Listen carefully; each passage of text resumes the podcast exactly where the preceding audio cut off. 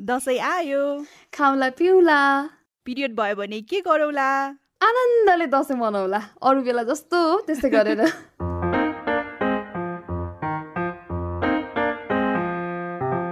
Hello नमस्ते। पिरियडका कुराको यो ब्रान्ड न्यू एपिसोडमा यहाँहरूलाई स्वागत गर्दछौँ। म हुँ सृष्टि। अनि म हुँ प्रियङ्का।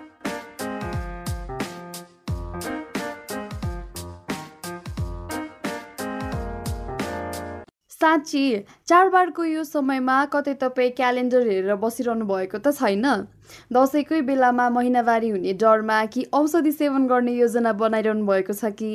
सोच्नुहोस् त एक दुई दिनको समय छल्न महिनावारी पर सार्ने औषधिले हाम्रो स्वास्थ्यमा कस्तो समस्या ल्याउला? मलाई अझै पनि याद छ है म सानो छँदा मेरो मम्मीले धेरै दसैँहरूमा चाहिँ महिनावारी नहुने औषधि खानु भएको थियो। दसैँको बेलामा अब मम्मी महिनावारी नहुँदा म मात्रै होइन घरको सबैजना ढुक्क हुन्थ्यौँ। एटलिस्ट मम्मीले चाहिँ अब वरिपरि नै हुनुभयो दसैँ सँगै मनाउन पाइयो भनेर होइन। तर त्यसको केही दिन पश्चात जब मम्मीलाई महिनावारी हुन्थ्यो होइन अनि त्यो महिनावारी हुँदाखेरि चाहिँ थला नै पर्नुहुन्थ्यो है। अब सायद रगत धेरै बगेर अनि धेरै पेट दुखेर होला। त्यति बेला मलाई थाहै थिएन होइन? त्यति साह्रो गाह्रो चाहिँ त्यही महिनावारी सार्ने औषधिले गर्दा भएको भनेर। अहिले सोच्दा कति गलत भएको थियो जस्तो लाग्छ क्या मलाई। र यो चाहिँ अब तिम्रो कन्टेक्स्टमा मात्रै नभइकन यो कुरा चाहिँ नेपालीको अधिकांशको घरमा हुने गर्छ जस्तो लाग्छ होइन? मलाई अलौट लाग्ने कुरा चाहिँ होइन? यस्तो खालको औषधिहरू चाहिँ एकदमै इजिली अभाइलेबल छ कि मेडिकल स्टोरहरूमा गयो अनि दाई मिन्स पर सार्ने औषधि दिनु न भनेर माग्यो एउटा दिइहाल्नुहुन्छ कि? एकदमै इजी छ होइन? तर यसले चाहिँ महिलाको स्वास्थ्यमा पार्ने नकारात्मक असरलाई हेर्ने हो भने चाहिँ यसलाई चाहिँ यसरी लिगली रूपमा बेचेर दिनु हुँदैन थियो कि बा। सिम्पल रूपमा हेर्ने हो भने चाहिँ यस्तो दबाईले फेरि सिधै महिनावारी बार्ने संस्कारलाई पनि प्रमोट गरेको हो जस्तो देखिन्छ। किनभने त्यो टाइममा त महिलालाई यो संस्कारलाई कन्टिन्यू गर्नको लागि चाहिँ केही टाइमलाई चाहिँ ल तिम्रो महिनावारी रोकिदिने भनेर होइन? तर अब विडम्बना चाहिँ है कति धेरैलाई चाहिँ यो अनिवार्य जस्तै हुन्छ घरहरूमा। विशेष गरी अब बुहारीहरूलाई भनौँ न चाडबाडको बेला स्पेसली अब घरमा पनि देखिरहेको मम्मीहरूलाई काकीहरूलाई चाहिँ होइन यही टाइममा चाहिँ धेरै चुलो चौको धेरै गर्नुपर्ने चलन छ हाम्रो समाजमा। अनि पाहुना पासा भन्यो पकाउने भन्यो एकदमै बिजी हुने टाइम हो नि त यो। हेर्नु न है महिनावारी हुँदाखेरि अब एउटा महिला चाहिँ भान्सामा पस्न दिइँदैन होइन? तर उसैले माझेको भाँडा प्रयोग गर्नुहुन्छ। उसैले धोएको लुगा पनि प्रयोग गर्नुहुन्छ। यो संस्कार हाम्रै देशमा अझै पनि सामान्य रूपमा पालना गरिन्छ भन्दा आफैलाई कस्तो लाज लाग्छ हौ? सो यो संस्कार फलो गर्दा चाहिँ महिलाले भोग्ने जुन पीडा छ त्यसको इन्टेन्सिटी चाहिँ अब फरक हुन्छ होला सायद होइन? एभ्री इन्डिभिजुअलमा तर पीडा त अब सबैलाई नमजा आउने खालको नै हुन्छ नि त। अब सबैजना सेलिब्रेसनको मुडमा हुन्छ आफू चाहिँ छुट्टै बसिरहनु पर्या हुन्छ होइन? कतै नछोइकन केही काम नगरिकन होइन? पुरै आइसोलेसनमा हुनुहुन्छ। अनि यो एक्सपिरियन्स चाहिँ अब धेरैले फेस गर्नुपर्ने हुन्छ। सो एकचोटि सुनौ न अब महिला साथीहरूको कुरा उहाँहरू के भन्नुहुन्छ त? चाडबाडको बेलामा चाहिँ महिनावारी बाँड्ने कुरालाई कसरी लिनु भएको छ? एकचोटि सुनौ न है त। ओके। हाई मेरो नाम प्रमिला बराजुली। म चाहिँ करिब पन्ध्र सोह्र वर्षको थिएँ होला। म त्यति बेला नाइन क्लासमा पढ्थेँ। अनि दसैँको बेलामा चाहिँ मेरो महिनावारी भयो। त्यसपछि अब टिका लगाउनु हुँदैन चाड मनाउनु हुँदैन भनेर मलाई चाहिँ टिका लगाइदिनु भएन। जो पनि यताउता हिँड्दाखेरि खाली निधार देख्यो कि के भयो किन टिका नलगाएको के भयो भनेर सोध्ने। अनि मेरो मामुले चाहिँ एकदमै ठेट तरिकाले रेस्पोन्स गर्नुहुन्थ्यो कि उहाँको घैँटो फुट्यो उहाँको चाहिँ अब हात छेकियो यस्तै यस्तै भनेर भन्नुहुन्थ्यो। अनि म चाहिँ पिक टिन एजमा भएको एकजना केटी मलाई चाहिँ यस्तो इम्बारेसिङ फिल भयो यस्तो इम्बारेसिङ फिल भयो। त्यो पुरै दसैँ नै मेरो लागि एकदमै नरमाइलो भयो। अनि अर्को साल पनि ठ्याक्क दसैँकै बेलामा मेरो महिनावारी भयो। अनि त्यो साल चाहिँ मैले खाली निधार बस्न मानिनँ। मैले चाहिँ जे गरे पनि जे भए पनि मलाई मतलब छैन म टिका लगाउँछु। लगाइदिनु भयो लगाइदिनु नलगाइदिनु भए चाहिँ म आफै लगाउँछु भनेर न्यु खोजेँ घरमा। अनि त्यति गरिसकेपछि चाहिँ अब वर्ष दिनमा आउने चाडपर्व किन नरमाइलो मान्नु भनेर मामुले ल कसैलाई पनि नभन म टिका लगाइदिन्छु भनेर टिका लगाइदिनु भयो। अनि त्यसरी अब तै चुप मै चुप गरेर टिका लगाउने काम भयो। दसैँमा पिरियड्स भयो भने टिका लाउने कि नलाउने भन्ने क्वेसनसँग चाहिँ म फर्स्ट टाइम क्लास एटमा हुँदाखेरि फेस टु फेस भएको थिएँ। मैले केही दिन अगाडि नै आफ्नो मामुलाई सोधेको थिएँ कि मामु म यदि दसैँको बेला टिका लाउने बेला पिरियड्स भयो अथवा एक दुई दिन अगाडि पिरियड्स भयो भने कसैलाई नभनौँ ल म टिका लाउँछु मलाई मिस गर्न मन छैन भन्दाखेरि मामुले चाहिँ होइन यस्तो गर्नु हुँदैन पाप लाग्छ यताउति भनेर मलाई भन्नुभएको थियो अनि कति इक्जाम्पलहरू दिनुभएको थियो जसमा चाहिँ यस्तो पूजाको बेला पिरियड्स हुँदा हुँदै पूजा गरेर अथवा केही गरेर चाहिँ कसैको मुख बाङ्गेको अथवा यस्तो इक्जाम्पल्सहरू दिनुभएको थियो। So I was really paranoid होइन? त्यही पनि मलाई चाहिँ एउटा कस्तो आँट आयो भन्दा मलाई म पिरियड्स भएँ है भनेर मामुलाई अथवा ठुल्मामाहरूलाई भन्ने भन्दा चाहिँ त्यो लुगाउन बढी आँट आयो। मेरो अष्टमीको दिन चाहिँ पिरियड्स भयो होइन? सो त्यसपछि चाहिँ एकदमै डर लाग्यो मलाई किनभने अष्टमीको दिनमा चाहिँ हाम्रो घरमा एकदमै ठुलो पूजा हुन्थ्यो। थ्याङ्कफुली मेरो ठुलो बुवाले चाहिँ मलाई देवी भनेर मलाई र मेरो दिदी बहिनीहरूलाई हात खुट्टामा पूजा गरेर दक्षिणा दिनुहुन्थ्यो र सात दिनसम्मको दक्षिणा चाहिँ मसँग थियो जसले गर्दा चाहिँ मैले प्याड आफैले किन्न सकेँ। र कसैलाई नभनिकन मैले आफ्नो पिरियड कन्सिल गर्न सकेँ होइन? त्यही भएर चाहिँ मैले कसैलाई भन्दा पनि भनिनँ र आरामले दसैँको टिका पनि सकियो। थ्याङ्कफुली अझ मेरो मुखसुख केही बाँगेको छैन मलाई सराप केही लागेको छैन।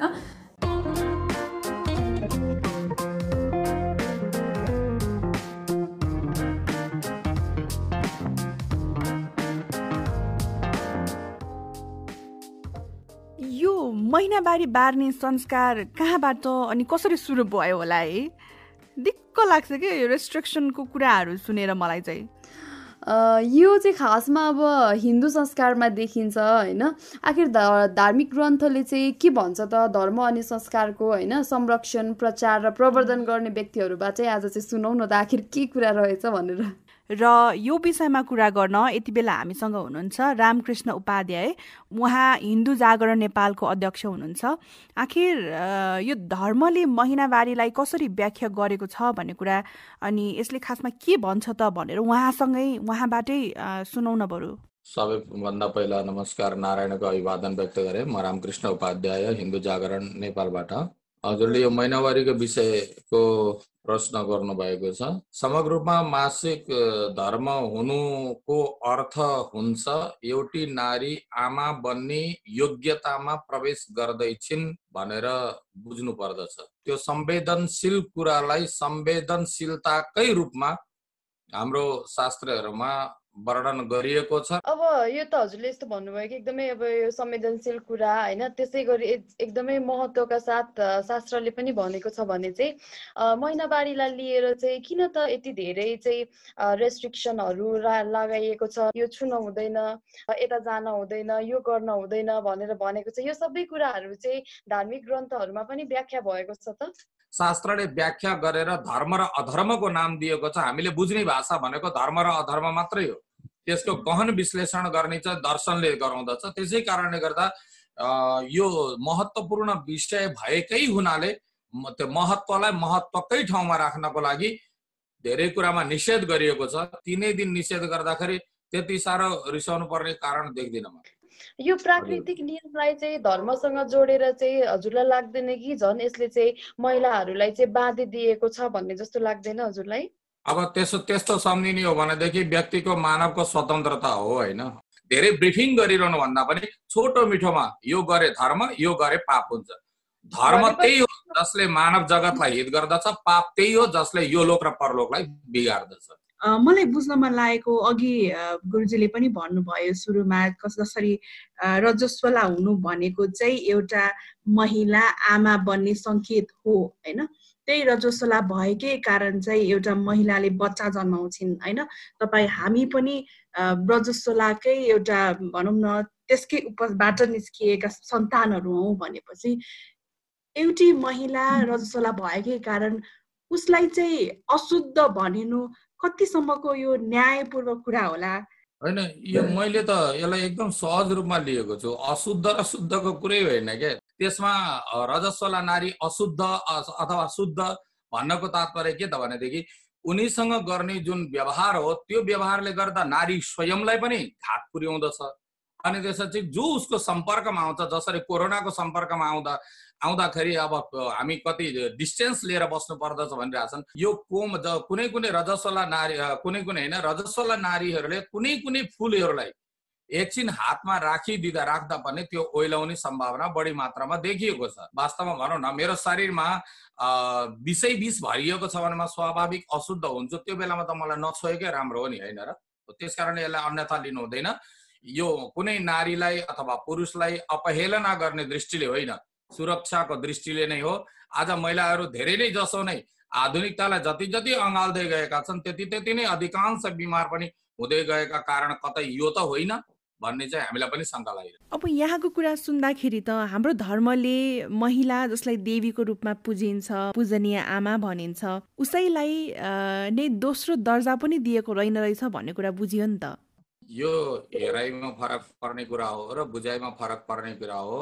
तिन दिन हामी शुद्ध तरिकाले बस्नाले मेरा सन्तान यदि गतिला हुन्छन् भनेर चाहन्छौँ भनेदेखि नियमपूर्वक बस्दा कुनै आपत्तिको विषय होइन। किनभने यो पनि एउटा जसरी क्वारेन्टाइनमा बस्दाखेरि कोरोना मुक्त हुन्छ भन्ने एउटा आशाले चौध दिनसम्म हामी तयार भएर बस्छौँ। अहिले हामीले जोड्न खोजेको चाहिँ खासमा चाडबाड नजिकिँदैछ नि त दसैँ तिहार आउँदैछ अनि चाडबाडको बेला चाहिँ महिनावारी भयो भने चाहिँ टिका लाउनु पाइँदैन। ठुलोहरूको आशीर्वाद पनि लिन हुँदैन भन्ने चलन छ। यो चाहिँ हजुरलाई कस्तो लाग्छ? के भन्छ त धर्मले? यसको बारेमा थोरै बताइदिनुहोस् न। प्रसाद लाउनु हुँदैन भन्ने पटक्कै छैन। भगवान्को प्रसाद लाउनु हुन्छ तर यही हो। हात र जोडेर चाहिँ नगर्दा हुन्छ। तर छुनु चाहिँ भएन टाढैबाट टिका लगाउनु पर्यो अथवा प्रसाद लिनु एउटा दुनामा राखेर दिए भइगयो नि त्यसमा धेरै समस्या छैन नि। गुरुको कुरा त सुनियो तर धेरै कुरामा चाहिँ सहमत हुन सकिएन। उहाँले चाहिँ तिन दिनको निषेधलाई लिएर किन रिसाउनु पर्यो र भनेर भन्नुभयो। अब खासमा के भने नि त्यही तिन दिनलाई लिएर चाहिँ होइन शरीरको विष अथवा भनौँ पाप यस्तो भनेर जोडिन्छ भने त त्यो त सय हुने कुरा भएन नि होइन? हो नि हामीले अब सबैको विश्वास आस्थालाई सम्मान गर्छौँ र गर्नुपर्छ। तर यदि कसैको विश्वासले लैङ्गिकताकै आधारमा महिलालाई दोस्रो दर्जाको स्थान दिन्छ अथवा अशुद्ध भन्छ भने त्यो कुरामा चाहिँ सायदै हामी सहमत हुन सक्दैनौँ। यस्ता कुराहरू कहाँ लेखियो भन्दाखेरि धर्म ग्रन्थमा लेखियो होइन? त्यो लेख्ने व्यक्ति पनि कोही मानिस नै हो र यसलाई वर्णन गर्ने प्रचार गर्ने व्यक्ति पनि मानिसै हो भनेपछि हामीले मानव जीवनको उत्पत्ति जे कारणले भयो त्यही कुरालाई चाहिँ दूषित भनिरहेका छौँ। यो त भयो धर्मसँग जोडिएको कुरा तर स्वास्थ्यको हिसाबले महिनावारीको महत्व कस्तो छ त? यो बारेमा आज हामीले एउटा विशेष कुराकानी गरेका छौँ डाक्टर अरुणा उप्रेतीसँग। उहाँ विगत लामो समयदेखि महिला स्वास्थ्य क्षेत्रमा काम गर्दै आउनु भएको छ साथै महिनावारी विषय र महिलाको स्वास्थ्यको विषयमा आफ्नो आवाज र कलम चलाउँदै आइरहनु भएको छ। अब एकैछिन उहाँसँग कुरा गरौँ।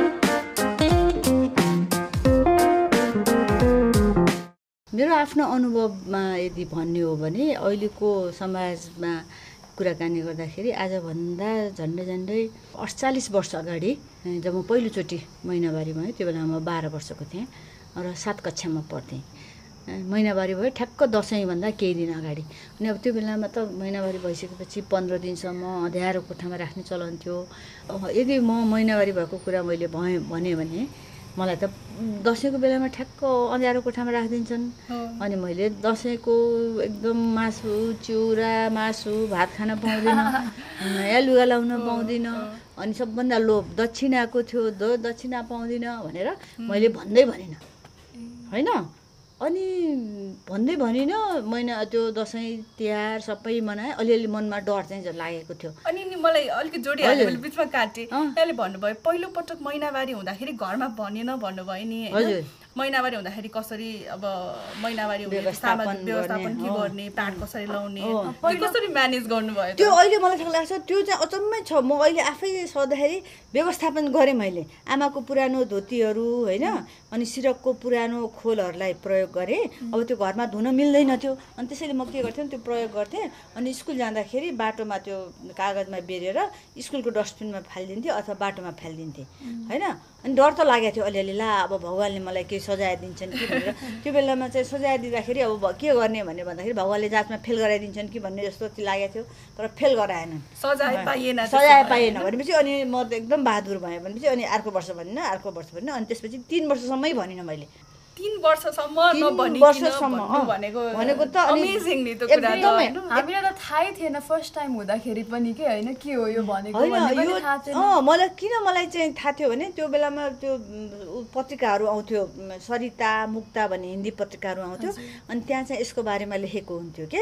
ए यो भनेको खासै केही होइन। यो मान्छे हाम्रो धर्मले चाहिँ यसलाई एकदम खराब गरिदिएछ सायद त्यसैले मलाई ज्ञान दियो कि? तर एउटा कुरा चाहिँ के छ भने एक प्रकारले अहिले हेर्दाखेरि त्यो एक प्रकारको मैले गरेको क्रान्ति नै थियो। त्यो त बिग क्रान्ति हो होइन? जस्तै सडचालिस वर्ष अगाडिको क्रान्ति भनेको अँ अहिले त्यो बेलामा त हामी अहिलेको जस्तो प्याड पनि थिएन। म्यानेजमेन्ट चाहिँ मैले मजासँग गरेँ कुनै प्रजनन स्वास्थ्यको समस्या पनि भएन। अनि पन्ध्र वर्ष भइसक्यो जब म दस कक्षामा पुगेँ अनि त्यहाँ घरमा गाई उही कुरा हुन थाल्यो।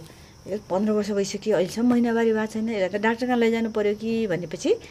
अनि त्यसपछि अब डाक्टर लगेँ भने थाहा भइहाल्छ होइन? त्यसपछि मैले ठ्याक्क एसएलसी आउनुभन्दा एक दुई दिन अगाडि एसएलसीको दिनुभन्दा एक दुई दिन अगाडि म वास्तवमा महिनावारी भएको थिएन। र मैले महिनावारी भएको भन्ने? किनभने त्यो भएपछि त एसएलसीको जाँचलाई बिगारेर त कसैले पनि राख्दैन होइन?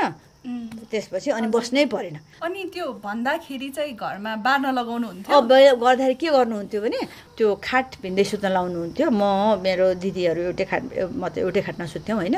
त्यसले भुइँमा सुत्न लाउनुहुन्थ्यो। यो अहिले चाडपर्व आइरहेको छ होइन? यहाँले पनि आफ्नो एक्सपिरियन्स सेयर गरिहाल्नुभयो। कसरी पहिलोपटक महिनाबारी हुँदाखेरि यहाँले त्यो एक किसिमको विद्रोह नै गर्नुभएको रहेछ होइन? त्यो सायद यो किसिमको कन्फिडेन्स चाहिँ धेरै किशोरीहरूलाई हुन आवश्यक पनि छ। तर हामीलाई भएन होला। त्यो तर अहिलेको किशोरीहरूलाई चाहिँ यो किसिमको कन्फिडेन्स चाहिँ आवश्यक छदेखि मैले यसमा जोड्न खोजेको चाहिँ यो चाडपर्वको बेलामा चाहिँ महिलाहरू विशेष विवाहित महिलाहरूलाई चाहिँ एउटा ठुलो प्रेसर के हुँदो रहेछ भने यस्तो बेलामा चाहिँ सकेसम्म महिनावारी नहुनु भन्ने प्रेसर होइन। त्यसको लागि चाहिँ बजारमा औषधि पाउँदो रहेछ। महिनावारी धकेल्ने औषधि। यो औषधिले महिलाको स्वास्थ्यमा चाहिँ कस्तो किसिमको समस्या उत्पन्न गराउँछ? त्यो औषधि जुन हो महिनावारी धकेल्ने औषधि त्यो चाहिँ हर्मोन हो। र यसमा चाहिँ उनीहरू जब चाहिँ त्यो औषधि खान्छन् एक हप्ता दुई हप्ता जति अगाडि त्यसपछि त्यो चाहिँ महिनावारी अलिक पछि धकेलिन्छ। तर हर्मोन शरीरमा हर्मोनको चाहिँ गडबडी हुन्छ। अनि के हुन्छ भने जब चाहिँ अब पछि चाहिँ अनि त्यसपछि सबै चाडपर्व सिद्धियो है सबैजना खुसी हुन्छ ल राम्रोसँग भयो भने अनि त्यसपछि त्यो महिलाको शरीरमा समस्या सुरु हुन्छ। किनभने उनको शरीरमा त नचाहिने हर्मोन पुगेको छ अनि एकदमै कसै कसैलाई धेरै रगत जाने समस्या हुन्छ। अनि त्यो हर्मोन शरीरमा नचाहिने हर्मोन पुगे शरीरमा पुगेपछि एकदम टाउको दुख्ने एकदम अनिजी हुने कस्तो कस्तो हुने एकदम वक्क लाग्ने रिङ्टा लाग्ने जस्तो समस्याहरू पनि धेरै नै हुन्छ। त्यसै कारणले गर्दाखेरि मैले त महिलाहरूलाई के भन्छु भने तपाईँ महिनावारी हुनुभयो भने सफा शुद्ध गरेर प्याड लगाउनुहोस् टालो प्रयोग गर्नुहोस्। कसैलाई भन्नुपर्ने जरुरत पनि छैन। कसैले थाहा नै पनि पाउँदैन। किन भन्नु परेर? अनि जहिले पनि म आफ्नै उदाहरण दिन्छु। म त महिनावारी हुँदाखेरि पनि पशुपति पनि गएँ मन्दिरहरू पनि गएँ श्राद्धहरूमा पनि गएँ। केही भएन त। भनेपछि टाउकोमा त लेखेको हुँदैन रहेछ नि त। भनेपछि त्यो चाहिँ हामीलाई हाम्रो समाजले तिम्रो शरीर चाहिँ अपवित्र छ। महिनावारी हुँदाखेरि भन्ने कुरा बारम्बार भनिराख्दाखेरि अनि हामीलाई त्यो डर लागेको। र विशेष गरी पापको डर। भगवान्ले के भन्ला भने डर? भगवान् सरस्वती पनि त महिना महिला हुन् मन महिनावारी हुन्छ होला। अनि मैले चाहिँ के भन्छु अहिले पनि के उदाहरण दिन्छु भने आसाम इन्डिया भारतको आसाममा कामाख्या देवीको मन्दिर छ। अनि त्यहाँ चाहिँ असारको महिनामा चार दिन मन्दिर बन्द हुन्छ। अनि त्यो बेलामा चाहिँ मै कामाख्या देवी चाहिँ महिनावारी भएको भनेर अनि त्यसपछि उनलाई टालो दि राखिन्छ। चार दिनपछि मन्दिरको ढोका खोलिन्छ अनि त्यो चाहिँ रातो हुन्छ। त्यो रातो किनभने पुजारीहरूले लगेर त्यो अबिर सबिर लगाएर राखिदिएको। अनि त्यो महिनावारीको त्यो देवीको महिनावारीको टालो लिनलाई त्यहाँ हारालुसमा पुग्छुन्छ के भने त्यो उनको महिना देवीको महिनावारी भएको टालो चाहिँ घरमा राख्यो भने चाहिँ शुभ हुन्छ अरे। भनेपछि देवी जब महिनावारी हुन्छन् त्यो बेला उनी शुभ हुन्छन्। भनेपछि हामीहरू चाहिँ किन अशुभ? महिनावारीलाई यदि पाप मान्ने हो भने सबैजना पापी भयौँ त हामी। अनि हाम्रो हिन्दू धर्मसँग गाँसिएको के छ भने त्यो ऋषि पञ्चमीको व्रतको बेलामा ऋषि पञ्चमीले ऋषि पञ्चमीको व्रत महिलाहरूले किन गर्नुपर्छ अरे भने महिनावारी भएको बेलामा कसलाई छोएको के के गरेको नकाम गरेको पाप कटाउनलाई चाहिँ त्यो चाहिँ ऋषि पञ्चमीमा व्रत गर्नुपर्ने वाइयात त्यो कुरा चाहिँ मलाई सानैदेखि वाइयात लाग्थ्यो। यस यो व्रतले चाहिँ के देखाउँछ भने महिलाहरूले आफ्नो शरीरलाई आफै अपमानित गरिरहेको भन्ने कुरा देखाउँछ। यदि आफ्नो शरीरलाई सम्मान गर्ने हो भने शरीरलाई मन्दिर मान्ने हो भने यो शरीर कसरी अपवित्र हुन्छ?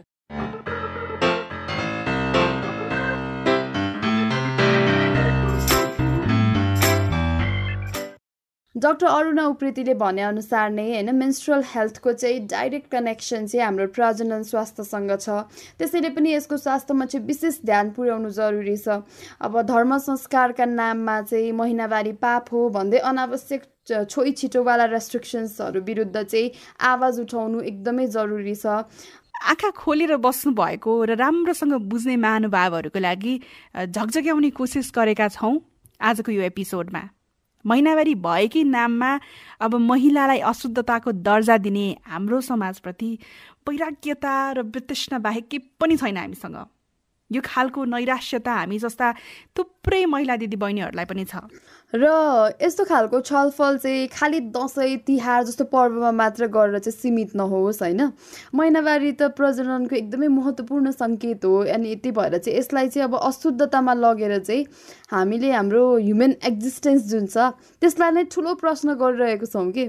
कोही पनि महिलाले चाडबाड आयो भन्दैमा क्यालेन्डर हेरेर आफ्नो महिनावारीको मिति हेर्दै दिक्क मान्नु नपरोस् अनि महिनावारी पर सार्ने औषधि खाने जस्तो प्रवृत्ति पनि नहोस्। मुख्य कुरा यसको इजी एक्सेस नहुने हो भने औषधि सेवन गर्ने अप्सन नै हुँदैन। राइट एकचोटि कोसिस त गरौँ सबैले होइन? महिनावारी हुँदा दसैँ मनाउँदा के हुने रहेछ त आखिर होइन? मनाउनै नहुने भन्ने कहाँ लेख्या छ? अनि के नै हुँदो रहेछ भनेर एकचोटि चाहिँ स्टार्ट गरौँ न होइन? आखिर अब चेन्ज स्टार्ट्स फ्रम सेल्फ भन्छ नि त्यही भएर चाहिँ I think we should start this right with this note I am going to celebrate this Dasai no matter what. Me too. चाडबाडको समयमा चाहिँ अब दुखी होइन सबैजना खुसी भएर सँगै मिलेर दसैँ मनाऊ अनि अर्को कुरा चाहिँ घरको काममा सबैले चाहिँ सँगसँगै मिलेर गरौँ धेरैवटा कामहरू हुन्छ सो कामहरू डिभाइड गरौँ ताकि कसैलाई चाहिँ मरिमरि कसैलाई चाहिँ परिपरि भन्छ नि त्यस्तो नहोस्। ओके विथ दिस नोट आजलाई भने बाई बाई बाई